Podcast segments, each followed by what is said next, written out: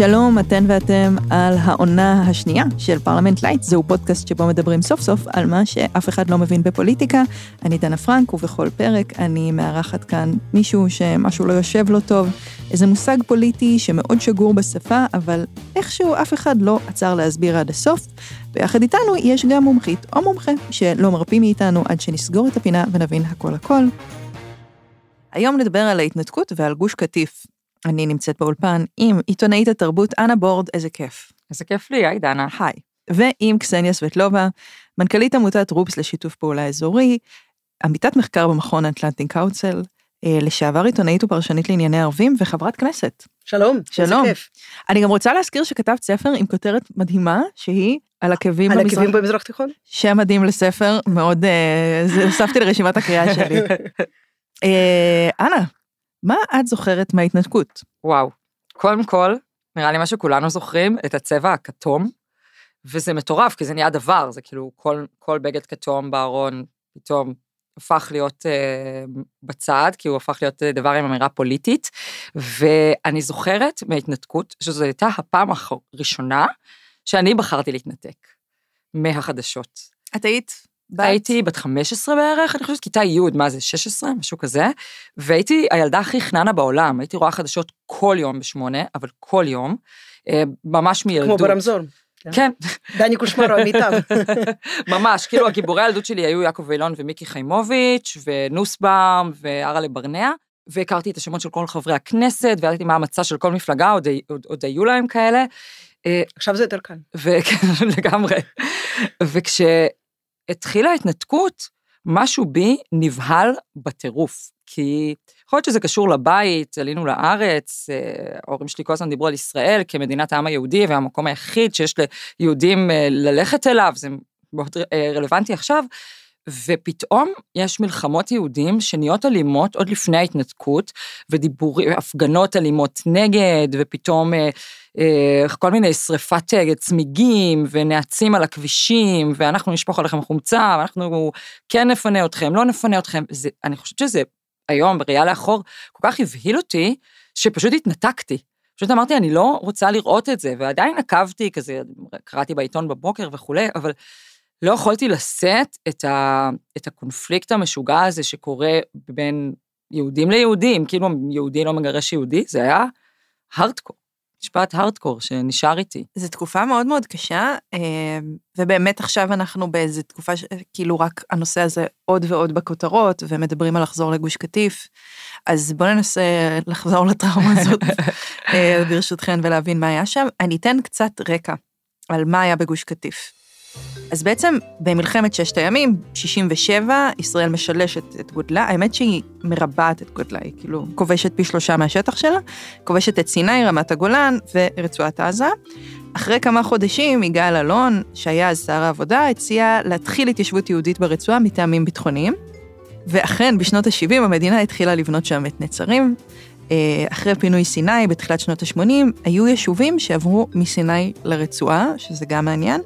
בסך הכל כל תקופת ההתיישבות בעזה נמשכה 38 שנים, בעיקר בגוש קטיף.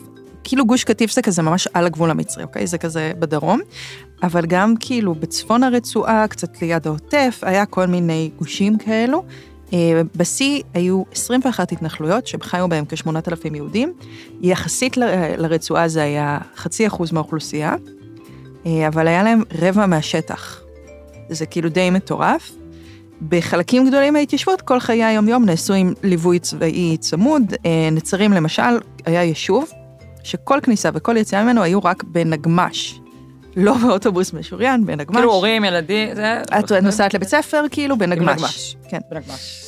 ב-2003, ראש הממשלה אריאל שרון, בניגוד לאמירות שלו לפני הבחירות, מחליט כאילו להוציא את ההתיישבות משם, קוראים לזה תוכנית ההתנתקות, וזה אירוע מאוד מדמם. והנה אנחנו היום. לגמרי. אוקיי, אז שמענו על מה אנה זוכרת מההתנתקות. את בעצם היית בגוש קטיף כנערה. כן, אני זוכרת קצת יותר מגוש קטיף, כי כך קרה שגם אני עליתי לארץ ב-91 ולמדתי באולפנה תורנית לבנות, כן, אל תסתכלו עליי ככה.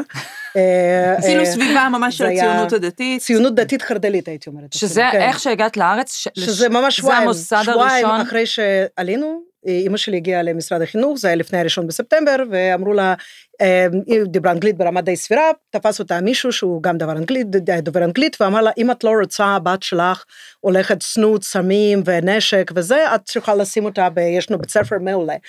אימא שלי... לא פחות ולא יותר. זנות סמים, לא, לא בשביל זה הגענו כן. לארץ, כאילו כן, זה ברור, כאילו כן, בית ספר מעולה, והוא באמת היה טוב, בית ספר עצמו היה נפלא. אמ, ולמדתי שם את כל התיכון, כאילו כן י' עד, אה, עד י"ב, עד 94, אה, אה, ובתור חוויות ילדות, אז כן, לקחו אותנו למחנות קיץ לגוש קטיף, שנת 92, 93, נווה דקלים, ואני פשוט זוכרת את התמונה הראשונה, שזה מה שנחרטה לי בזיכרון, כן, חוצים את רצועת עזה, לא היה שום הבטחה, שום נגמ"ש לא היה שם, רק הנמיכו את האורות, והנהג אמר, טוב, תתכופפו ליתר ביטחון וזה, כי זורקים פה אבנים לפעמים, אז תתכופפו, שרנו שירי ארץ ישראל והיינו שמחות ועליזות, לא כל כך שמו לב. על רצפת האוטובוס? כן? לא, לא על רצפת, אוקיי. ככה קצת פשוט הנמכנו את הראש, כאילו, כן, אה, אוקיי. זה. אמ, ועוברים מחנות פליטים בדרך, כן, ואת כל ההרס הזה, שעכשיו כמובן הוא רק הלך וגבר, אבל גם אז זה לא היה פריטי uh, פיקצ'ר. ואז מגיעים לשוויץ. כן, ככה, כאילו, כן, הדיכוטומיה בין כל הסביבה השחורה, האפורה, הארוסה הזאת, לבין הגגות רעפים אדומים, בתים לבנים, המדשאות הירוקות, אופניים זרוקים פה ושם, ילדים מסתובבים בחולצות לבנות, אידיליה, נפלא, כן, וכן, כמובן, איך אפשר להסביר את זה? אז כן, לנו סיפרו שטוב, הם עצלים והם לא מסוגלים לעשות עם עצמם כלום, והנה, אנחנו פה גנינו, בנינו גן עדן. אז בעצם הם אמרו, הפלסטינים הם עצלנים, ואנחנו באנו ואנחנו מקימים פה גן עדן. וזה באמת נראה כמו גן עדן, כאילו, כן, זה קהילות אה, מושלמות כאלה, כן, כי גם כמה כסף נשפך, רק אחרי זה למדתי כמובן. אה, יש אותם 8,000, ובוודאי ב-91, 92 היו שם פחות, אבל זה היה אידיליה. אידיליה לחופי הים אה, התיכון והחופים הבתוליים של נווה דקלים, לא אשכח אותם לעולם. שיכנו לשם בנות אולפנה, כן, כמוני, שאנחנו העברנו שם גם כמה קיצים שמחים למדי, אז הייתי ביישובים שחזרתי אליהם בתור עיתונאית. בימי ההתנתקות הבאמת בלתי אפשריים האלה. ביקשתי בעצם לחזור לשם, כי בתור כתבת לענייני ערבים, שעבדתי בערוץ 9 וסיקרתי את עזה, הייתי כל יום בעזה, ואז בכמה ימים, ככה לקראת הסוף, אמרתי, אני מבקשת להיות גם ב... לסקר את גוש קטיף. אבל אני חייבת לשאול, כשהייתן נערות והייתן נוסעות שם ורואות את עזה אה, לעומת אה, גוש, הייתן מדברות על זה? זה היה מעלה בכם איזה מחשבות או... לא, לא ממש. צריך להבין את זה, כאילו, כן, את באה מתוך איזושהי, מתוך איזשהו אקו סיסטם, ששם זה ברור לגמרי, מי אה, צודק ו- ומי לא, כן?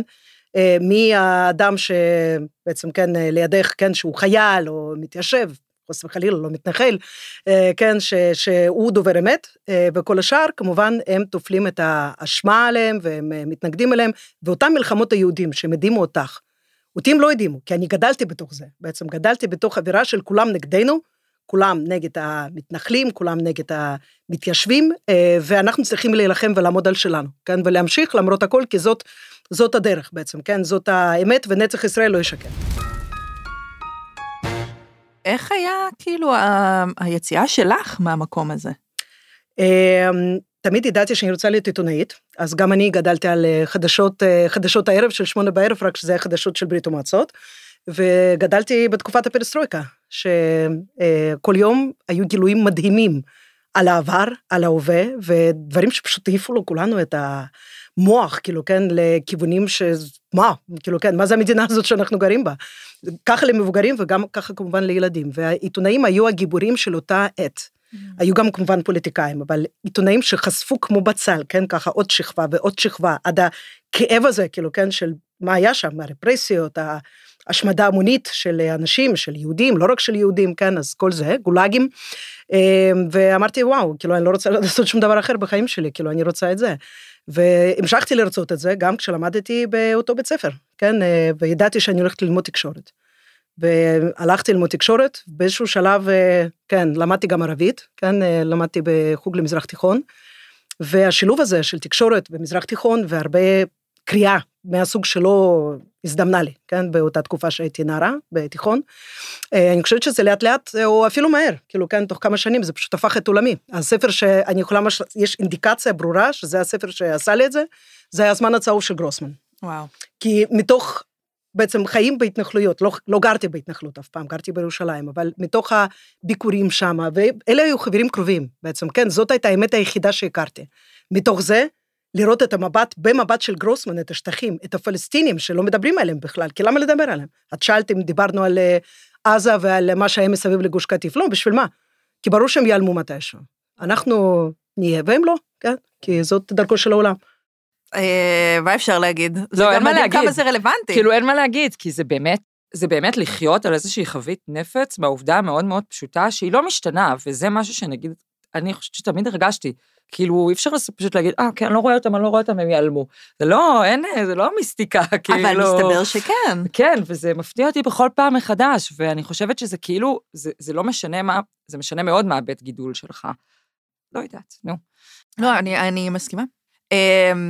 אוקיי, אני מאוד רוצה לדבר על, ה, על הנסיבות של ההתנתקות, כי זה בעצם גם הדבר הכי שונה במחלוקת עד היום.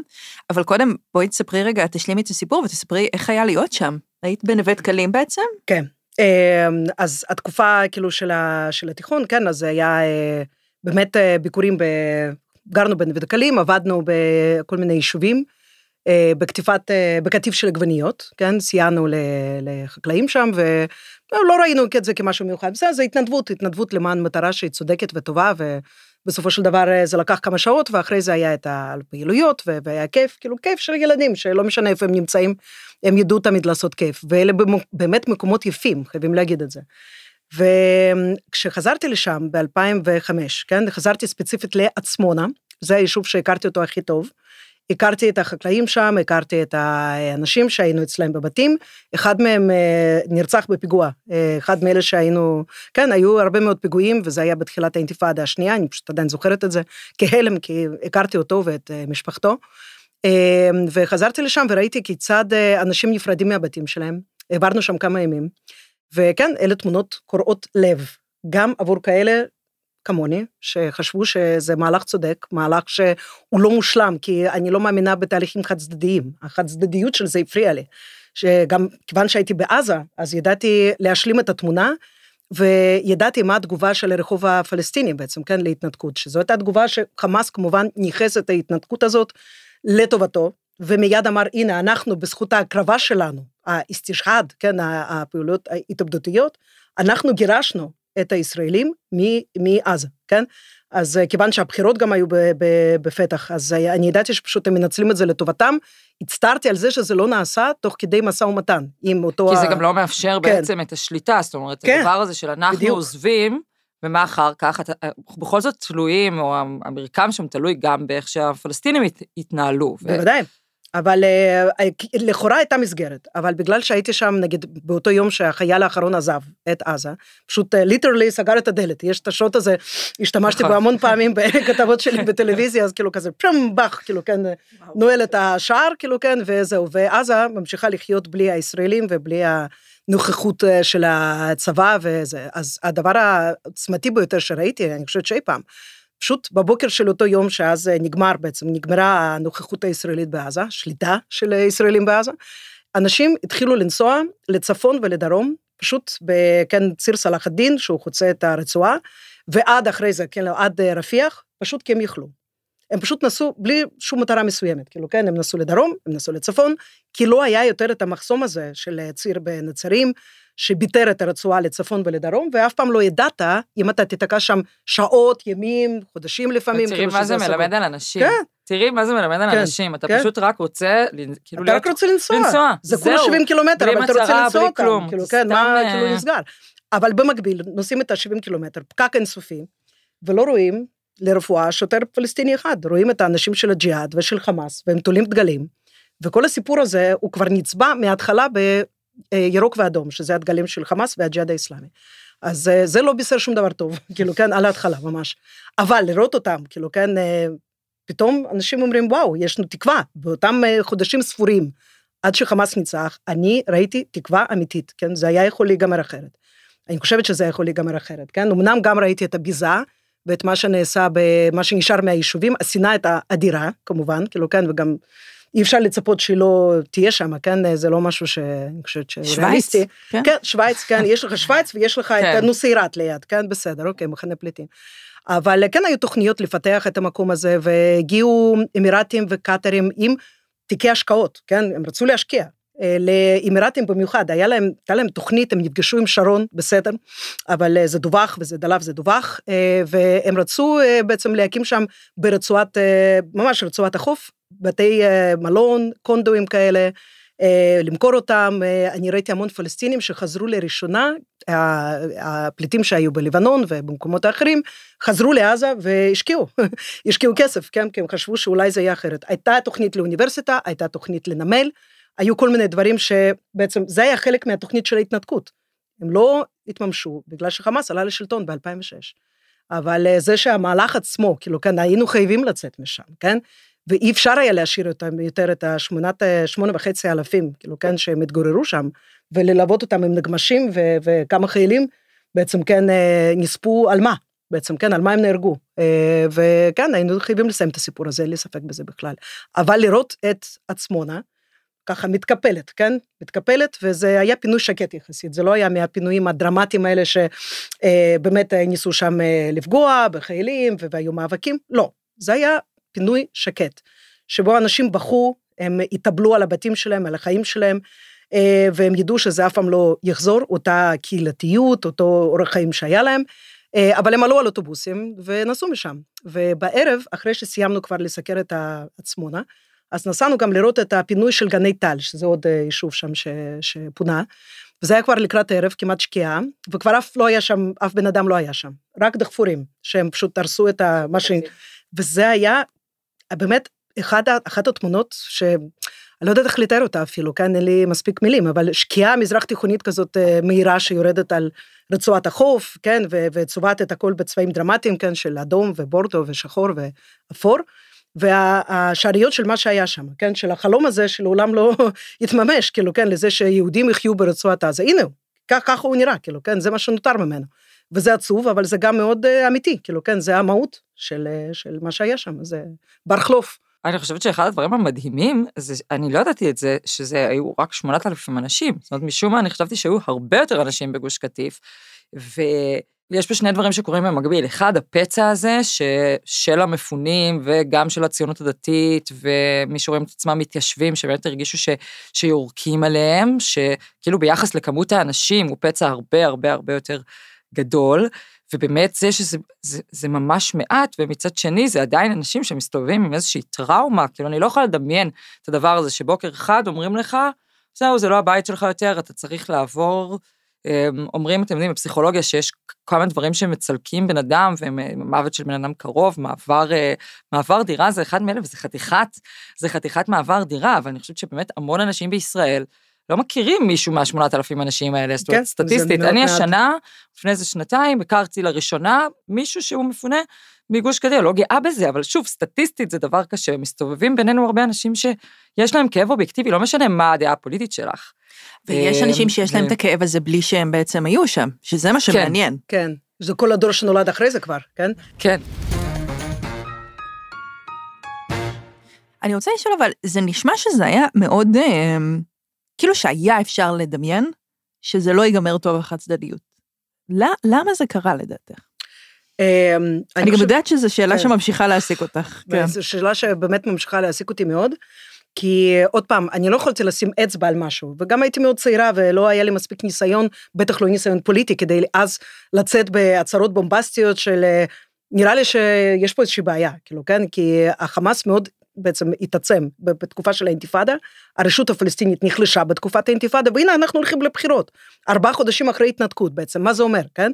אבל uh, אני חושבת שהייתה מין באמת uh, אופטימיות, כן, שיש לנו תוכנית, והכל צריך להיות uh, לפי התוכנית. זו הייתה תוכנית של גם דוב וייסגלס, ש, שהוא גיבש אותה יחד עם פלסטינים, הוא לא גיבש אותה בעצמו, כאילו, כן, בזמנו, מפת דרכים, כן, זה היה גם בוש, אבל גם פלסטינים היו מעורבים בזה.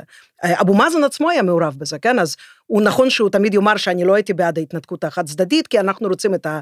בעצם הסדר ואנחנו רוצים את השטח כולו, אבל הם כן ידעו, כאילו היו מודעים לאלמנטים של זה, כן?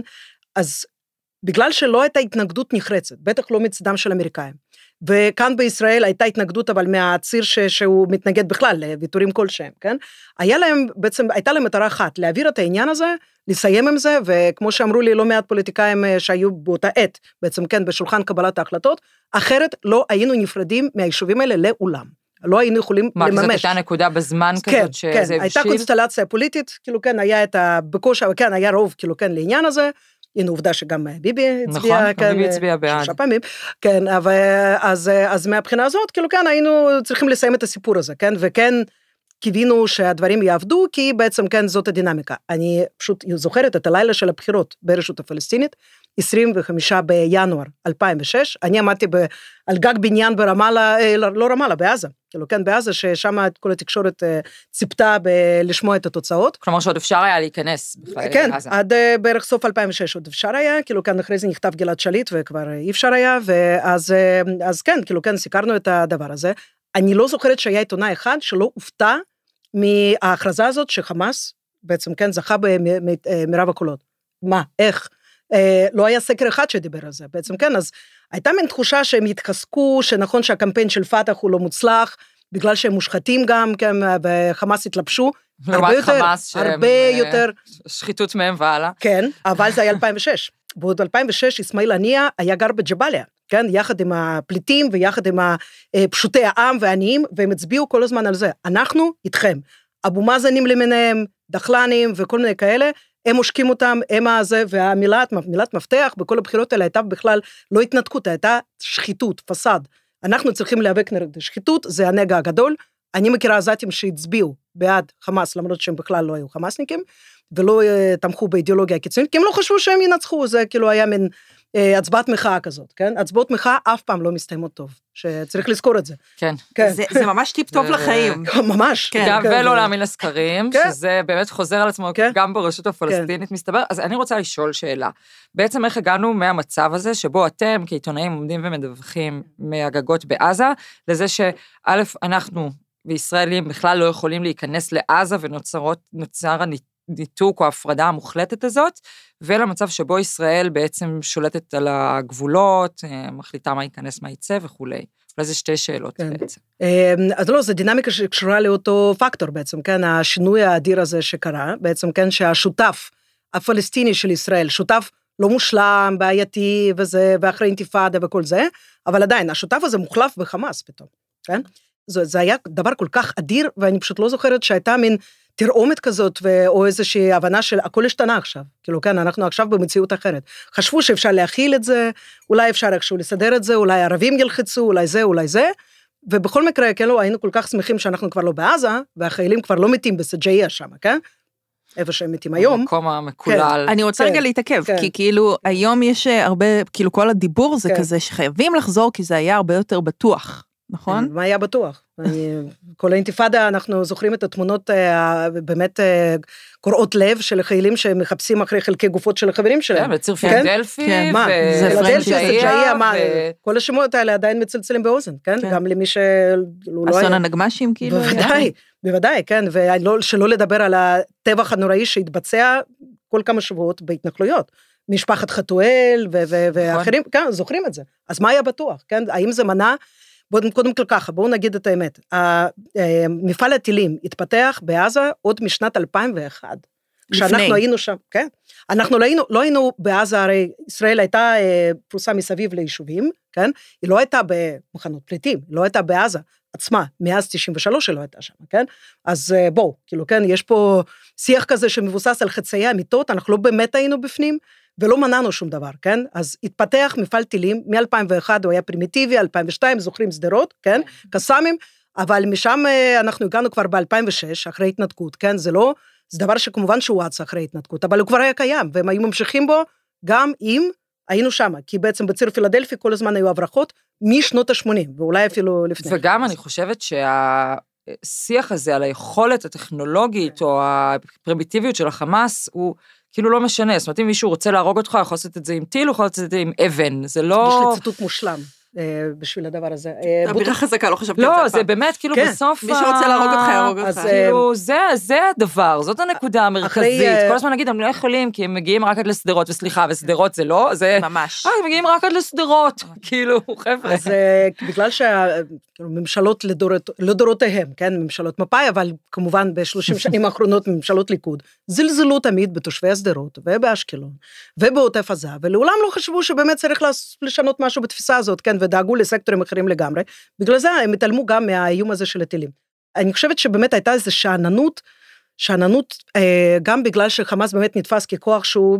בסדר, כאילו, כן, זה, כאילו, מה זה, זה... פרימיטיבי. זה- אני בעצמי, כאילו התנגדות אני בעצמי עממית חשבתי כזאת? ככה גם, כן, כי אני ראיתי, הייתי בלבנון וראיתי את חיזבאללה, מתאמנים וראיתי אותם אה, בפעולה, כאילו, כן, כשהם שמרו על איזשהו אירוע של אה, אשורה, במרכז אה, ביירות, בשכונות שלהם, הדרומיות, לא במרכז, אלא, אה, כן. אה, וראיתי שהם, כן, מאורגנים הרבה יותר טוב, עם ציוד שלהם, כאילו, כן, והחמאס היה נראה כמו משהו כזה, כן, אה, תנועת נוער. כן, כאילו, כן, הם לא, לא, לא רציניים. אבל אם זאת, אם זאת המטרה היחידה שלך בחיים, כן, לפגוע באחר, כן, שמסב לך כאב ואתה רוצה להסב לו כאב, אז אתה תשתפר בסופו של דבר. והנה, ככה הם השתפרו, ואני חושבת, אבל לא צריך להיות גאון הדור ולא צריך להיות פה סופר אה, מנתח וזה, כי כל פעם כשהם הגדילו את הטווח של הטילים, אתה אומר, בסדר, משהו פה לא עובד, כן, אז נכון שהתחיל המצור הזה, כן, המצור התחיל כאשר חמאס עלה לשלטון, וכמה כמה שבועות אחרי שהם אה, אה, תפסו את גלעד שליט, אז זה התחיל בעצם, כן? אה, לא היה שום מצור לפני כן, אוקיי? הם לא היו עולים לשלטון, לא היה מצור על עזה. למה היה מצור? כי היה ברור לגמרי שהם ממשיכים בחימוש שלהם, גם כשהם הגיעו לשלטון. הם לא עברו איזשהו תהליך של התמתנות, הם לא עברו תהליך של אינסטיטוציאליזציה בעצם, כן? שהם עכשיו, בסדר, הם צריכים למשול, הם צריכים לנהל את המערכה שם, הם המשיכו בבניית המנהרות שלהם, מנהרות שלהם אפילו אה, אנשים כמוני שלא היו שם כבר המון שנים, אבל אני ראיתי את המנהרות שלהם, שהם היו בציר פילדלפי, כן, שהם הובילו למצרים. ואז היו מנהרות הברחה, שזה היה בגודל של מכונית. אז כל הגילויים המדהימים עכשיו, עכשיו אנחנו יודעים אה, שיש להם מנהרות עמוקות ואדירות ש, שרכב יכול לעבור, אבל גם אז היו, ב-2006 זה היה, כן? אז כאילו, כן, כאילו, כן, זה מין אה, 1973. על ספידים, כן? מבחינת ההתעלמות מכל הסיפור הזה. וכאשר, נגיד בכנסת, כן? כשרציתי לעסוק בעזה, אה, ואחרים רצו לעסוק בעזה, ורצו לדבר על זה בוועדת חוץ וביטחון נגיד וזה, התעלמו מאיתנו כמו מזבובים. לא אמרו, בסדר, אוקיי, הכל, זה, הכל בשליטה, כאילו, כן, השב"כ אומר שעכשיו, עכשיו אה, התקופה הכי שקטה, תקופה הכי שקטה, כאשר אנחנו כל הזמן בין סבבים. שרק הולכים כן. ונהיים אלימים יותר. אז זאת אומרת, מה, מה יקרה? מה, מה, מה צריך לקרות בסוף?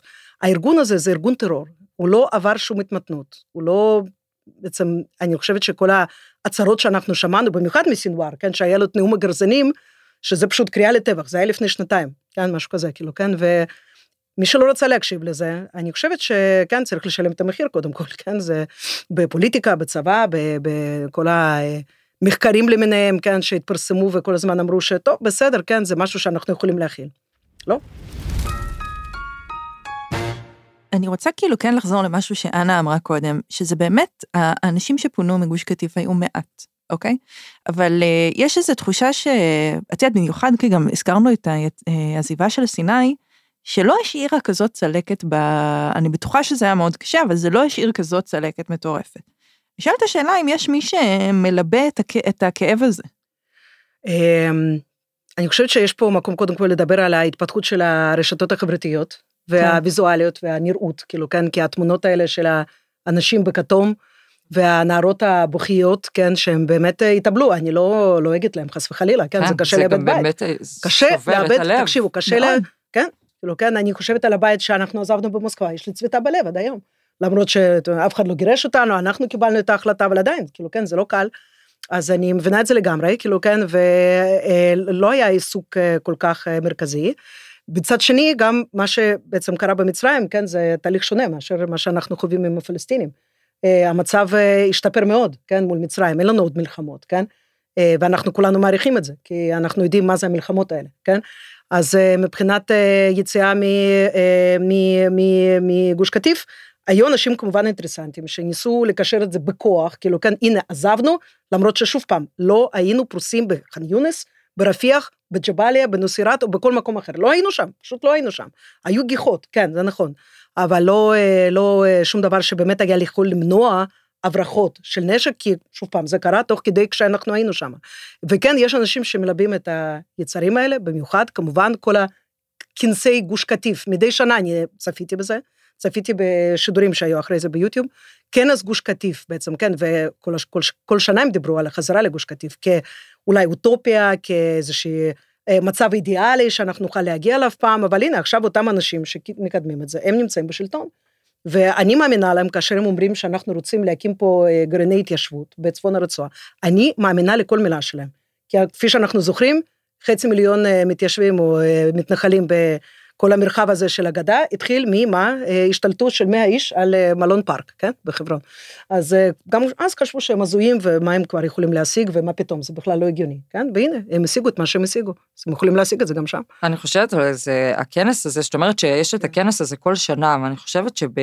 מוזיאון יש, יש מוזיאון גוש קטיף. כן. בקצב שבו החדשות בישראל קורות, אני חושבת שלהרבה מאיתנו, גם כעיתונאים, גם כאזרחים, היה נוח גם להתעלם מזה, זאת אומרת, גם לתקשורת, הנאומים של סינואר וכולי, פעם זה היה פותח מהדורות, כזה ב nineties, הכתב המדיני, הוא היה הכתב הכי בכיר.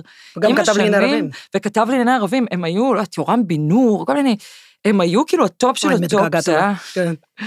אז זה ממש כן. היה כאילו אנשים... שהיו פותחים את המהדורה, והנושא המדיני היה הנושא הכי חשוב. ואז עם השנים התחלנו לדבר על, ה, על החיים עצמם, כולנו, זאת אומרת, גם כעיתונאים, גם כאזרחים, אתה אומר, די, כמה אפשר, ופתאום גם נהיה פה קצת יותר כסף, וקצת יותר מסעדות, וכל מיני דברים שבאמת אפשרו חיים קצת יותר אה, נעימים, של לא להתעסק בדבר הזה, אבל הדבר הזה המשיך לקרות, זאת אומרת, סינואר המשיך לנאום את הנאומים שלנו, אנחנו פשוט פחות שידרנו אותם, פחות... כן. צפינו בהם, כי זה באמת היה לא כל כך נוח, וזה דבר אחד שאני חושבת ש... שווה גם לתקשורת להתבונן ולהסתכל איך היא קובעת את הסדר יום ובכלל לאזרחים. אני רוצה להגיד באמת לתגובה למה שאת אמרת, אני חושבת שזה מאוד חשוב בתור כתבת לענייני ערבים, שלעולם לא רצתה לעשות שום תפקיד אחר במערכת, כן? מהרגע הראשון שנכנסתי הייתי כתבת לענייני ערבים של ערוץ 9, ועד שבעצם פרשתי משם וכבר אחרי זה נבחרתי לכנסת. וגם עכשיו יש לי טור קבוע בזמן ישראל שאני כותבת כל שבוע על ענייני ערבים, כי אני חושבת שזה הדבר המשמעותי, וזה באמת צריך לפתוח מהדורות, את צודקת לגמרי. אבל מתי, חוץ מאולי פתיחה של קו ישיר לדובאי, איזה שהם חדשות ממדינות ערביות, פתחו פה זה, כאילו, כן, כי כולם נאבקים על הרייטינג, וזה לא באמת מה שמעניין, זה לא באמת מה שמעניין את הציבור, מצד שני יש את ה agenda setting theory, שבעצם היא אומרת כן, ש... כן, אבל זה לא נכון, כי הציבור, הציבור לא יודע מה מעניין אותו, בדיוק. תמיד אני מתה על כן, זה שאומרים כן, בתקשורת, כן. זה לא מעניין, אתה לא יודע, לא הלכת בית, בית ואמרת, אנשים לא יודעים, אנשים לא יוצרי תוכן, כולם. כן. הרבה כן, עכשיו, כן, אבל... כן. אה, לא, אבל כן, אה, אז, אני, חושבת שעזה באמת ירדה מהמסכים ברגע שכבר אי אפשר היה להיכנס לשם, כן? עכשיו, אי אפשר היה להיכנס משם מכמה סיבות, כן? פיקוד הדרום פשוט אסר על עיתונאים ישראלים, אפילו עם אזרחות כפולה, להיכנס לרצועת עזה. וזה קרה כמה חודשים אחרי חטיפתו של שליט, אני פשוט זוכרת שאחרי החטיפה שלו עוד נכנסתי, וזה היה לא מסוכן, אבל אחרי כמה חודשים זה כאילו כן הפך למסוכן, כי התקבלה החלטה, זהו.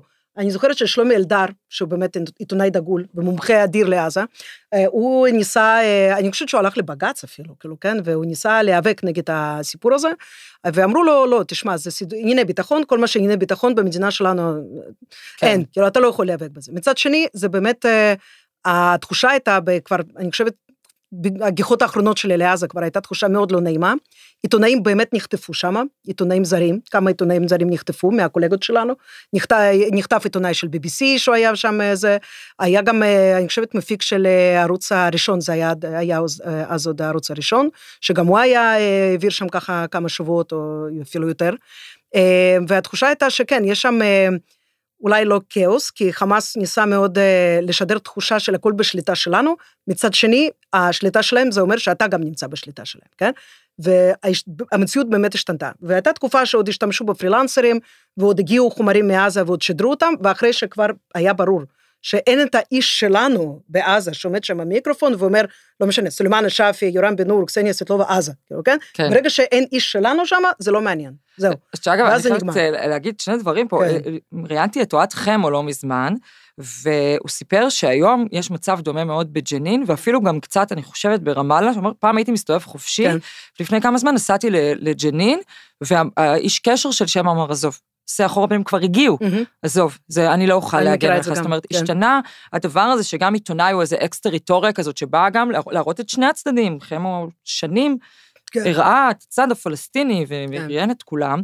אמ, אז זה ממש... אה, זה כאילו ממש מבשר רעות מה שאת אומרת. זה, כן, אז בעצם כל מה שאת מספרת על. עזה עובר עכשיו לתוך הדבר הזה, וגם אני היום עובדת עם אה, תקשורת זרה בימים של המלחמה, ואני כל הזמן מבינה, לי כעיתונאית אין יכולת לראות את המקור הראשוני, כי אין לי יכולת להיכנס לעזה, והם היו המון בעזה, זאת אומרת, אה, זה מדהים לראות איך בן אדם שגר בלונדון, אה, כתב לי ענייני חוץ, אה, לא יודעת, של זה, הוא היה בעזה הרבה יותר פעמים, כאילו, ממני וממך, דנה, כי... כי הוא יכול אה, להיכנס, וגם לנו אין יכולת פשוט לראות את המציאות, זאת אומרת, לשפוט בעצמנו, וזה, וזה מבאס. כי זה קשה מבאס. לקבל החלטות, או לגבש עמדה כשאתה לא, אתה פשוט לא יודע כלום. שימו לב גם מה קרה מאז שנחתמו הסכמי אברהם, שאני בירכתי להם ואמרתי, זה דבר מצוין, כן? כי כל הסכם שלום הוא, לא- הוא טוב, הצטערתי על זה שהוא לא כולל את הפלסטינים, בארגון שאני מנהלת אותו, רופס, אנחנו מאמינים במשולש הזה, ישראלים, פלסטינים והאזור, והשילוב של שנינו בעצם, כן, ישראלים פלסטינים בתוך האזור, כי שנינו לא משולבים כרגע, כן, כל אחד בגלל סיבות שונות. אבל לא נפתח על אף ביורו, הרי, כן, אף נציגות ישראלית לא נפתחה, לא במרוקו, ולא בדובאי אפילו, כן, ובשום בשום מקום אחר, כאילו, כן, חוץ מההתלהבות הראשונית של כתב שלנו עולה בבורג' דובאי, אלוהים, וזה, איזה כיף, כאילו, כן, וכולם אה, שידרו משם, אמרתי, טוב, ואתם רוצים אולי קצת, כאילו, אולי אה, להמשיך עם זה אולי? ואף אחד לא מתעניין, מי ניצח בבחירות לפרלמנט נניח עכשיו במרוקו, אין לאף אחד מושג. אף אחד אין לו מושג, אף אחד לא מתעניין, הענייני הערבים באמת הם התגמדו למין ידיעות כאלה שהן צהובות של, אה, לא יודעת, אה, אה, עבריין צמרת, כן, גורש מדובאי בגלל שלא יודעת מה, כאילו, כן, עבר על כללי ההשראה שלו. כן, ו- וזה לא מבשר באמת שום דבר טוב, כי אנחנו חלק מהאזור פה, וכשאנחנו לא יודעים מה קורה באזור, אנחנו מופתעים לרעה. אני רוצה שנייה אחת לחזור אה, לתופעות ההתנתקות בכל זאת. ואני רוצה לשאול אותך, אה, יש רעיון מאוד מאוד מפורסם של דוב וייסגס לעיתון הארץ, ושם הוא אומר משהו מדהים, שהוא מדהים לקריאה גם היום, הוא אומר, אה, כל המטרה של ההתנתקות הייתה להיות מספיק טראומטית כדי שלא יהיה יותר הסכם מדיני. כאילו הוא אומר, אה, זה לא היה טעות הדבר הזה, זה היה בילט אין, המטרה הייתה לקעקע את השיח ככה שזה, והוא אומר, מה לא שמראש מבין. זה מה ששרון רצה, כן. כאילו? עכשיו זה די וואו. מסתדר, כי שרון באמת לא רצה, כאילו, הוא אמר כל הזמן שהוא לא יעשה את ההתנתקות, ב-2003 היה בחירות, ועמרם מצנע כאילו רצה לעשות התנתקות, שאז היה היריב שלו, והוא אמר לא, כאילו היה מין תחושה שהוא בחיים לא יעשה את זה, ופתאום הוא קיבל החלטה שהוא הולך על זה. וייסקלס אומר, זה מה שחשבנו, כאילו היה פה איזה משחק מאוד ציני, וכן, וכאילו המתנחלים צריכים להגיד תודה לשרון, ולא, הרי המתנחלים מאמינים שיש קללה על כל מי שהיה מעורב בהתנתקות, ובגלל זה שרון אה, סיים את חייו באופן שהוא סיים. אה, בראי המציאות, זה קצת קרה. אמ, תראי, ממה שידוע לי, אז אה, קודם כל, פוליטיקאים אומרים דברים שמנוגדים לדברים שהם אמרו אותם לפני כן, או יגידו אותם אחרי זה, בסדר? על זה אין לי מה להגיד, אוקיי? אני עכשיו, אה, כדי להתנתק קצת מהמציאות שלנו, רואה ב-rerun את בית הקלפים. כן, קליל. מבינה? אה, קליל, לי, אסקפיזם, כן, דברים. אסקפיזם קל כן, ונעים. קצת שכלי, אבל של אחרים, כן? אבל, כן, זה פשוט מדגים, כאילו, כן, שבן אדם פוליטי, ווייסגלס כמובן, גם ב-2004 וב-2005 ו-2006 הוא היה אדם פוליטי, אה, עם מטרות ברורות, כאילו, כן, ב-2004 המטרה שלהם הייתה לקדם את ההתנתקות, ו-whatever it takes, כאילו, כן, אז אני חושבת ששוב פעם, ממה שאני מכירה, מדוב, אה, כן, ולא מכירה אותו לעומק, אבל מכירה אותו מכמה שיחות שניהלנו. אה, גם ראיינתי אותו לפודקאסט שלנו, של רופס בשפה אנגלית, למי שמעוניין. אה, אני חושבת שהם אמרו כל דבר כדי שהתוכנית שלהם תתממש, אבל זאת לא הייתה איזושהי החלטה פתאומית, כן? זו הייתה החלטה שלציבור הייתה מוצגת כפתאומית, כן. אבל למעשה בעצם, כן, הם מ-2003, כן, הם היו בתיאום עם אדמיניסטרציה של בוש, במפת הדרכים בעצם, כן, שבוש הניח אותה, שעם כל הלעג הזה על אה, ג'ורג' בוש ג'וניור, זו לא הייתה תוכנית כל כך גרועה. אוקיי? כשמסתכלים עליה, הייתה תוכנית סדורה, אה, שהייתה אמורה להביא אותנו בסופו של דבר לכן, איזשהו הסדר גם בגדה, ושרון היה חלק מזה. אז אה, להגיד שהוא אה, על הסף דחה כל מיני תיאוריות של קונספירציה, הוא עשה את עזה בגלל, אה, הוא, בגלל שהוא רצה להציל את הגדה, לא, אני לא חושבת שזה נכון, כן? אני חושבת שהוא באמת רצה לסיים קודם כל בעזה. כי הוא גם, אני חושבת שהוא חש איזושהי אחריות אישית, כן? כמי שהיה מאוד מעורב גם בכיבוש של עזה, וגם אחרי זה בהקמה של התנחלויות בעזה בעצם, כן? ואחרי זה הבין שזה לא לוקח אותנו לשום מקום, זה לא מקדם אותנו, זה גם מבחינה של פרויקט ההתנחלויות, זה לא הצלחה בכלל, כן? כי אה, המתנחלים לא הצליחו לשכנע את הציבור הישראלי שכדאי להתנחל בגוש קטיף, כן? ובנצרים ובכל המקומות האלה. אה, אני חושבת שהמספרים הקטנים שלהם מעידים על כך שזו לא הייתה הצלחה. ומדינה שפכה באמת אין ספור כסף, וזה הפריע לכל התהליך הזה של אה, תהליך המדיני, כן? אז הוא רצה לעשות את זה, הוא רצה להתחיל בזה.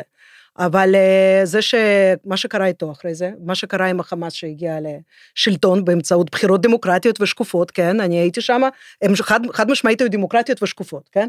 אבל כפי שאנחנו יודעים גם במדינות אחרות, כן, אי אפשר פשוט יש מאין להתחיל מבחירות. בלי שיש כן. חינוך פוליטי, בלי שיש דיון על זה, בלי שיש התאוששות מהטראומה הקודמת, בעצם הטראומה שהיא בכלל לא מפסיקה, כן, זה גם טראומה של אינתיפאדה וגם מה שהיה לפני כן. אז, אה, אז אני חושבת שיש פה איזשהו ניסיון, כן, בעצם, כן, אה, להגיד, טוב, אוקיי, בסדר, הם לא באמת רצו את זה כי, ולכן זה לא הצליח, בעצם כן, זה לא הצליח כי זה לא אמור היה להצליח, הם רצו שזה או זה.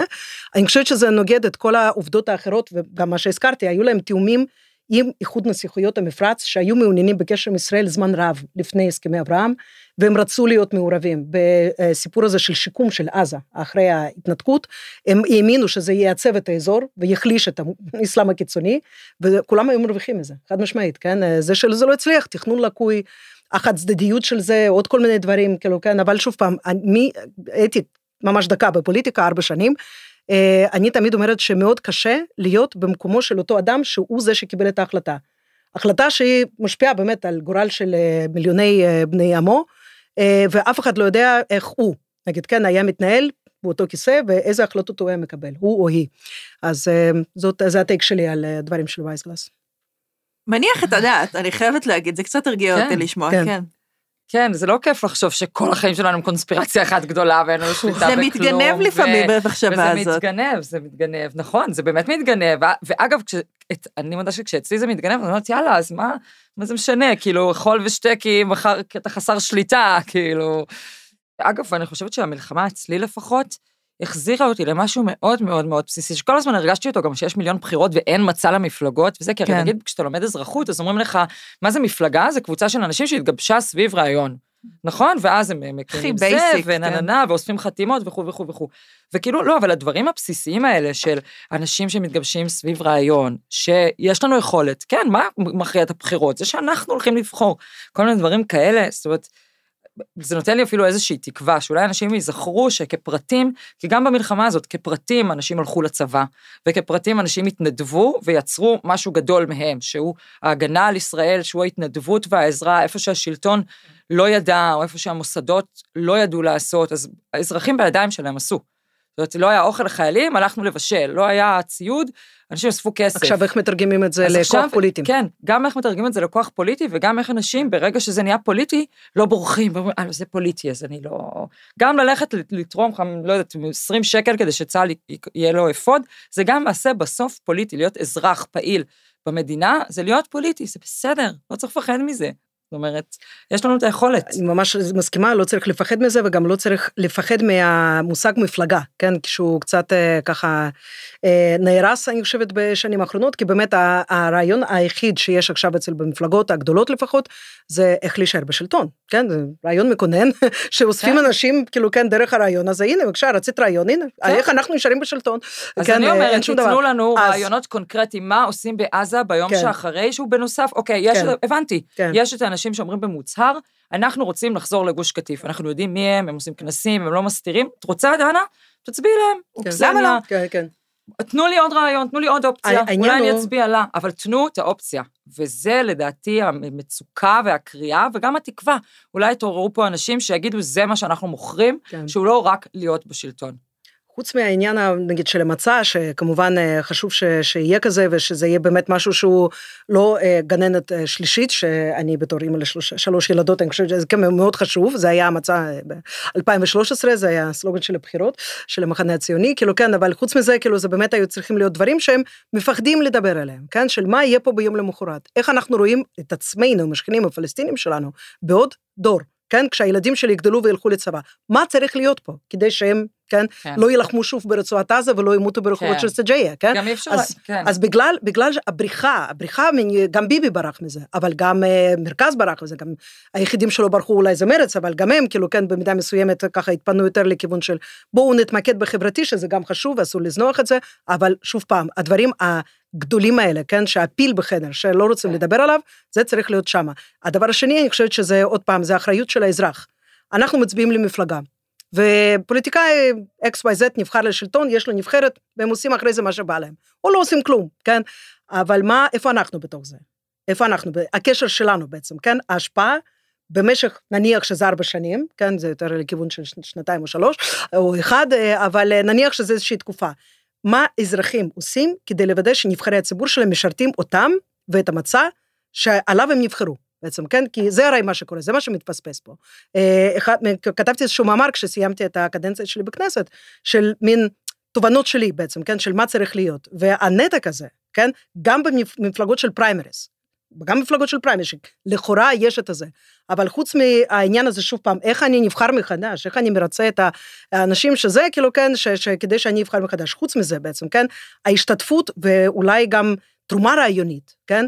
אה, איזשהו חוג של נגיד הוגי דעות, אה, של אנשי צבא לשעבר, חוקרים, חוקרות, אה, כל מיני עיתונאים שיש להם ניסיון, כן, שהם יהיו כמו גוף מייעץ, גוף שהוא מבקר, גוף שהוא עוקב, כי אז בעצם, זאת, זה הסיכוי היחיד לדעתי, בעצם כן, לדעת שיש איזשהו, איזושהי אפשרות לממש את הבטחות הבחירות האלה, כן? או לפחות לנסות, לקדם אותם, כן? כי בעצם כרגע אנחנו רואים שזה כמו בסיינפלד, כן? מפלגה על כלום, בחירות על כלום, כן, וככה זה פעם אחר פעם אחר פעם, אי אפשר שזה יקרה יותר, כן? אנחנו עוצמים עיניים אל, מוצ... אל מול המציאות, אנחנו פשוט עוצמים עיניים ולא רוצים, מתכחשים לה, לא רוצים לעסוק בה, אני מבינה את זה, אבל אי אפשר לברוח. אז כאילו התירוץ, או האמירה, אבל מה אתם רוצים? אנחנו עזבנו את עזה, נכון? שזה גם משהו שהיום בהסברה, גם אני, מודה, משתמשת בזה, אבל מה אתם רוצים? אנחנו עזבנו, יצאנו. הוא לא נימוק מספיק טוב ל... ל לא יודעת, שונאינו, מחריבינו, שמאשימים אותנו בהכל? אני חושבת שהוא, יש בנימוק הזה משהו שהוא אמיתי לגמרי. כן, יצאנו משם, ואחרי זה השתלטה שם תנועה שהיא רצחנית, תנועת טרור, שהשתמשה ב, גם בכסף שהיה אצלה וגם בכל ההזדמנויות שניתנו לה, על מנת רק, שוב פעם, להעמיק את האחיזה שלהם וגם להתכונן למלחמה הבאה, על חשבון של העזתי הממוצע. אבל מצד שני, אנחנו הרי לא השלמנו את התהליך של היציאה, בעצם, כן? לא, אפשר להגיד תמיד, אבל כן, אבל החמאס, אבל זה, הנה, כשאנחנו רוצים, אנחנו נכנסים לעזה ואנחנו פועלים. יכולנו לפעול גם ב-2009, כן? לא עשינו את זה. לא עשינו את זה, לא עשינו את זה, אני מדברת כמובן על ההבטחה של ביבי, למוטט את החמאס. כי אני חושבת שהיה צריך למוטט את החמאס. אתה לא יכול פשוט לתת לחבל ארץ כל כך אסטרטגי וקטן, להמשיך שהוא, שהוא יהיה מנוהל על ידי ארגון טרור. ואי אפשר. אני מבינה שאחרי התנתקות אף אחד לא באמת רצה לחזור לעזה, וכולם כמובן חששו מההשלכות הפוליטיות. של כן. מה, שוב אנחנו נכנסים לשם, גם פינינו את כל האנשים האלה, והם כן, בחרו בסדר, והתקבלו, ובצדק. אנשים ו- שפינינו כן. זה לא קשור, לא קשור בעצם, כן, להברחות שהיו בציר פילדלפי, שוב פעם, כן, זה לא מנע כן. את זה, זה לא, אה, כן, אה, לא, לא היה שום קשר. הם היו יכולים להיות שם, והם היו נפגעים, כמובן, והיו אה, מתקפות טילים עליהם, וניסיונות של טבח נגדם, בעצם, כן, זה לא היה משפר מאומה את הביטחון שלנו ואת של עוטף עזה, כן? אז אני חושבת שזה סיפורים נפרדים, צריך להפריד את זה, כן? אז אה, צריך, יש פה כל מיני תעשיות כאלה של אה, מיתוסים, כן? ומאוד חשוב להפריך את המיתוסים האלה. כן, גם אם היו אה, אה, נשארים המתנחלים בגוש קטיף, לא, לא הם אלה שהיו מגינים על עוטף עזה, אם כבר הם היו נשחטים שם, כמו שהם נשחטו עד 2005. הייתה סיבה אה, למה, למה אנחנו עזבנו וזה, אבל למה היו אנשים בימין, שגם תמכו בזה. היה ויכוח האם אנחנו כן ולא צריכים, נגיד, להישאר בציר פילדלפי, אבל כן, כאילו הייתה איזושהי אמונה שאפשר יהיה לקדם את התהליך המדיני. ואני חושבת שעדיין יש תקווה לחדש את התהליך המדיני, וכן, ושליטה בעזה או חלק מעזה, זה, זה לא יקדם אותנו לשום מקום, זה לא יקדם אותנו מבחינה ביטחונית, אני לא מדברת על עכשיו, החודשים הקרובים, אנחנו עדיין בלחימה, וככה זה עוד יהיה, אני חושבת שתקופה מסוימת, אבל אה, לאבא, כן, אה, חשוב מאוד להסביר לבן אדם שבאמת אומר, יצאנו, זה מה שקיבלנו, זה המסקנה הלוגית היא שאנחנו צריכים לחזור לשם. לא, זה ממש לא מסקנה לוגית.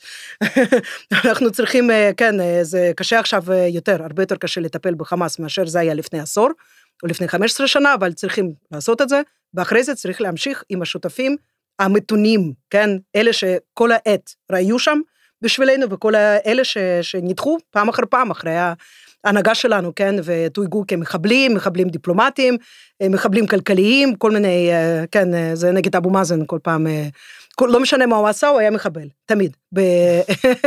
כן. מחבל דיפלומטי. מחבל דיפלומטי. מחבל כן. דיפלומטי. טרור דיפלומטי, כן, מחבל דיפלומטי, טרור דיפלומטי. אני מכירה רק טרור אחד, כן, זה שבוויקיפדיה כתוב, כן, שזה שימוש בכוח. למימוש של מטרות פוליטיות כאלה ואחרות. אז זה הטרור שאני מכירה. יקירותיי, אני לא מאמינה, אבל השעה שלנו תמה. שזה די מדהים. וואו. כן, נכון, עבר מאוד מהר. כן.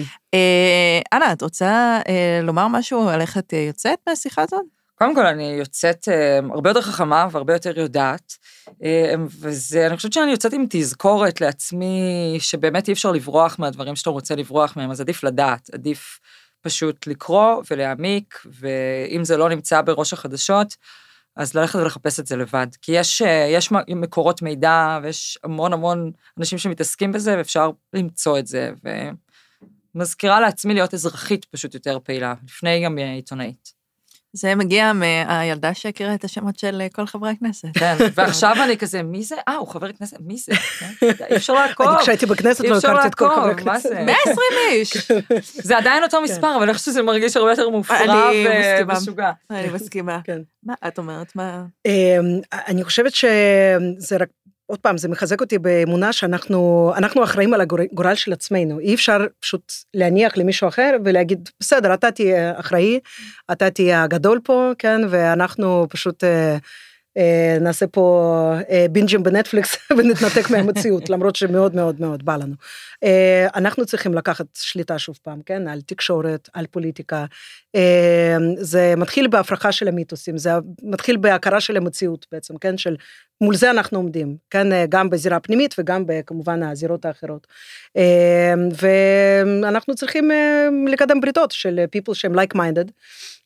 למשוך אנשים שהם לא like minded ולהסביר להם ולא לזנוח את הנושא הזה כמו שאת אמרת כאילו כן לא לא התעניינו לא רצינו לדעת היו כנסים של גוש קטיף בעצם כן שהם השפיעו על אנשים רבים אף אחד לא היה שם כדי פשוט להגיד ולהציע משהו אחר איזשהו טייק אחר ולכן הגענו עד הלום אבל אני חושבת שלא הכל אבוד אנחנו. ישנו תקומה, כאילו כן, אנחנו חייבים את זה לעצמנו, אבל בשביל זה צריך להבשיל את השרוולים. ולהיכנס לפעמים למקומות שקשה להיכנס לשם. ומסריח. אני אגיד שאני יוצאת מכאן עם, עם ההחלטה שאני אתחיל להתעניין בפוליטיקה מרוקאית, זה מאוד מעניין. למה לא? כדאי מאוד. תחביב חדש. כן. תודה רבה לשתיכן, היה מאוד מאוד מעניין, ולהתראות. תודה. תודה, דנה. האזנתם לפרלמנט לייט, לתכנים נוספים ווידאו מהפרקים, עקבו אחרינו באינסטגרם. אני דנה פרנק, עורך הסאונד הוא אסף רפפורט. פרלמנט לייט זאת הפקה של ג'וס. מור אזולאי המפיקה הראשית, וטליה שטיינברג מתאמת ההפקה. הקלטות וצילום באולפני שמע. תודה שהאזנתם.